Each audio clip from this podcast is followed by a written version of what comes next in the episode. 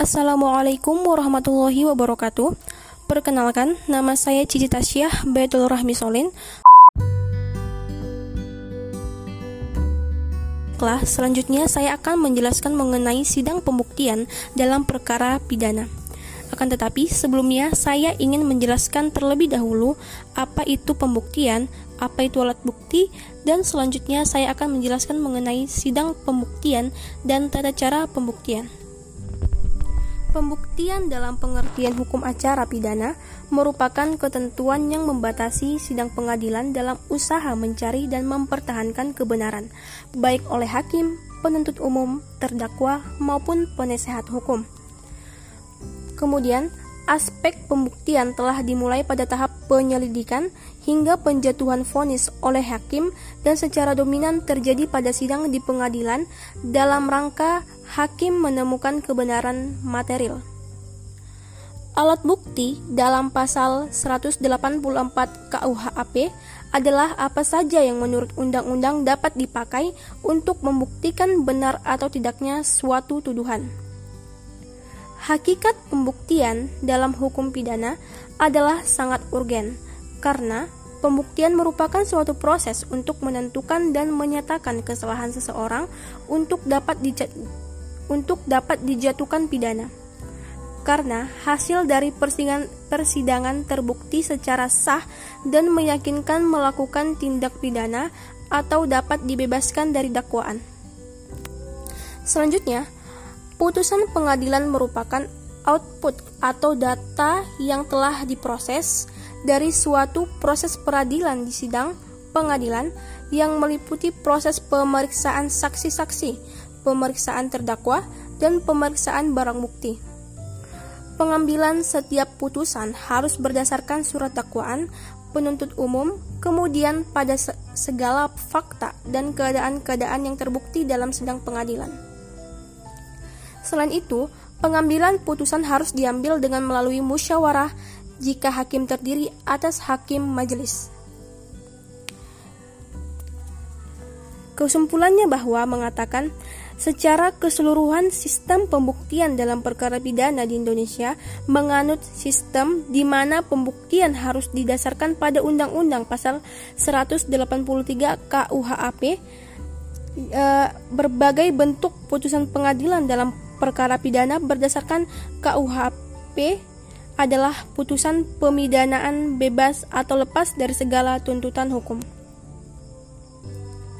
Dan bentuk-bentuk putusan pengadilan tersebut harus diucapkan di sidang terbuka untuk umum dan agar mempunyai kekuatan hukum yang terdapat pada pasal 195 KUHAP.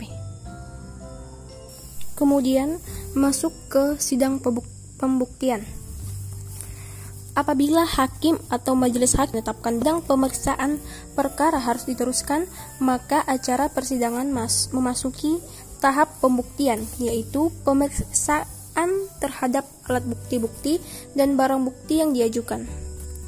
Sebelum memasuki acara pembuktian, hakim ketua mempersilahkan terdakwa supaya duduknya berpindah dari kursi pemeriksaan ke kursi terdakwa yang terletak di samping kanan penasehat hukum. Selanjutnya, prosedur dan tata cara pembuktian adalah sebagai berikut. Yang pertama, pembuktian oleh jaksa penuntut umum. Yang kedua, pengajuan saksi yang memberatkan saksi A. Kemudian, hakim ketua bertanya kepada penuntut umum apakah sudah siap menghadiri saksi-saksi pada sidang hari ini. Uh, selanjutnya, apabila penuntut umum telah siap, maka hakim segera memerintahkan pada jaksa penuntut umum untuk menghadirkan saksi seorang demi seorang ke dalam ruang sidang. Yang terakhir adalah saksi yang pertama kali diperiksa adalah saksi korban setelah itu baru saksi yang lain yang dipandang relevan dan dengan tujuan mengenai tindak pidana yang didakwakan. Uh, selanjutnya adalah tata cara pemeriksaan saksi. Yang pertama adalah penuntut umum menyebutkan nama saksi yang akan diperiksa. Yang kedua, petugas membawa saksi ke ruang sidang dan mempersilahkan saksi di kursi pemeriksaan. Yang ketiga adalah hakim ketua bertanya pada saksi tentang uh, identitas, apakah itu berupa nama, umur, alamat, pekerjaan, agama, dan lain-lain sebagainya. Yang kedua, apakah saksi kenal dengan terdakwa? Apakah saksi memiliki hubungan darah terhadap si terdakwa sampai derajat berapa? Ataupun mungkin uh, apakah saksi memiliki hubungan suami istri dengan terdakwa? Apakah saksi memiliki hubungan kerja dengan terdakwa? Dan lain sebagainya. Dan yang keempat adalah apabila perlu hakim dapat pula bertanya apakah saksi sekarang dalam keadaan sehat atau siap diperiksa sebagai saksi. Yang kelima, hakim ketua meminta saksi untuk bersedia mengucapkan sumpah atau janji sesuai dengan agamanya. Uh, yang keenam, saksi mengucapkan sumpah menurut agama ataupun keyakinannya dengan lafal atau sumpah oleh hakim dan melaksanakan sumpah dibantu oleh petugas juru sumpah. Yang ketujuh, tata cara pelaksanaan sumpah yang lazim digunakan di pengadilan negeri adalah sebagai berikut. Yang pertama adalah saksi dipersilahkan agak berdiri ke depan. Yang kedua, untuk saksi yang beragama Islam cukup berdiri tegak pada saat melafalkan sumpah. Petugas ber berdiri di belakang saksi dan mengangkat Al-Quran di atas kepala saksi untuk saksi yang beragama Kristen ataupun Katolik. Petugas membawakan Injil ataupun Alkitab di sebelah kiri saksi. Pada saat saksi melapalkan sumpah, tangan kiri saksi diletakkan di atas Injil dengan tangan kanan dengan tangan kanan diangkat dan jari tengah dan jari telunjuk membentuk huruf V untuk yang beragama Kristen, untuk mengacungkan jari telunjuk, jari tengah, dan jari manis untuk berama, untuk yang beragama Katolik. Sedangkan agama lainnya lagi menyesuaikan dengan tata cara penyumpahan pada agama yang bersangkutan. E, selanjutnya adalah hakim meminta agar saksi mengikuti kata-kata ataupun lafal sumpah yang diucapkan oleh hakim ataupun saksi mengucap sendiri lafal sumpahnya atau persetujuan hakim. Yang terakhir adalah lafal sumpah saksi-saksi adalah sebagai berikut. Saya bersumpah bahwa saya akan menerangkan dengan sebenar-benarnya dan tiada lain dari yang sebenarnya. Yang kedelapan, setelah selesai, hakim ketua mempersilahkan duduk kembali dan mengingatkan saksi harus memberi keterangan yang sebenarnya sesuai dengan apa yang dialaminya, apa yang dilihatnya, atau apa yang didengarnya sendiri. Jika perlu, hakim dapat mengingatkan bahwa apabila saksi tidak mengatakan yang sebenarnya dapat dituntut karena sumpah palsu.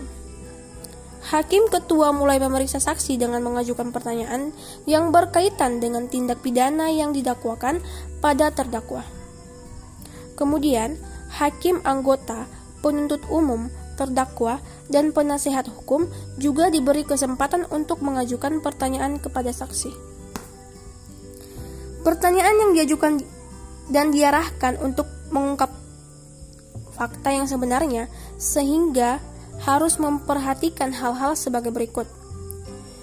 Yang pertama itu adalah materi pertanyaan yang diarahkan pada pembuktian unsur-unsur yang didakwakan.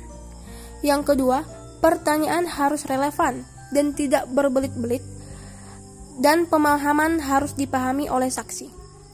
Yang ketiga, pertanyaan tidak boleh bersifat menjerat atau menjebak saksi.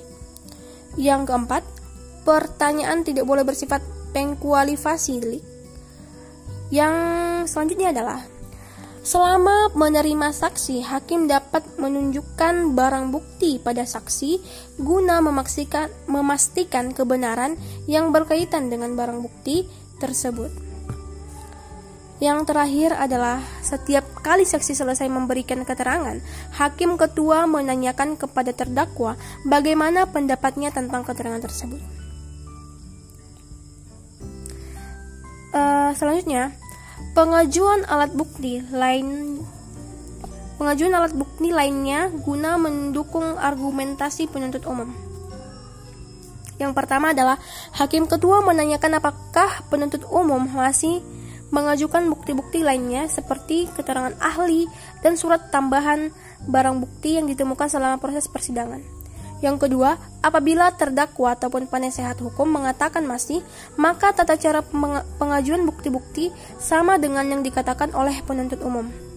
Yang ketiga, apabila terdakwa ataupun penasehat hukum mengatakan bahwa semua bukti-bukti telah diajukan, maka hakim ketua men menyatakan bahwa cara selanjutnya adalah pemeriksaan terdakwa.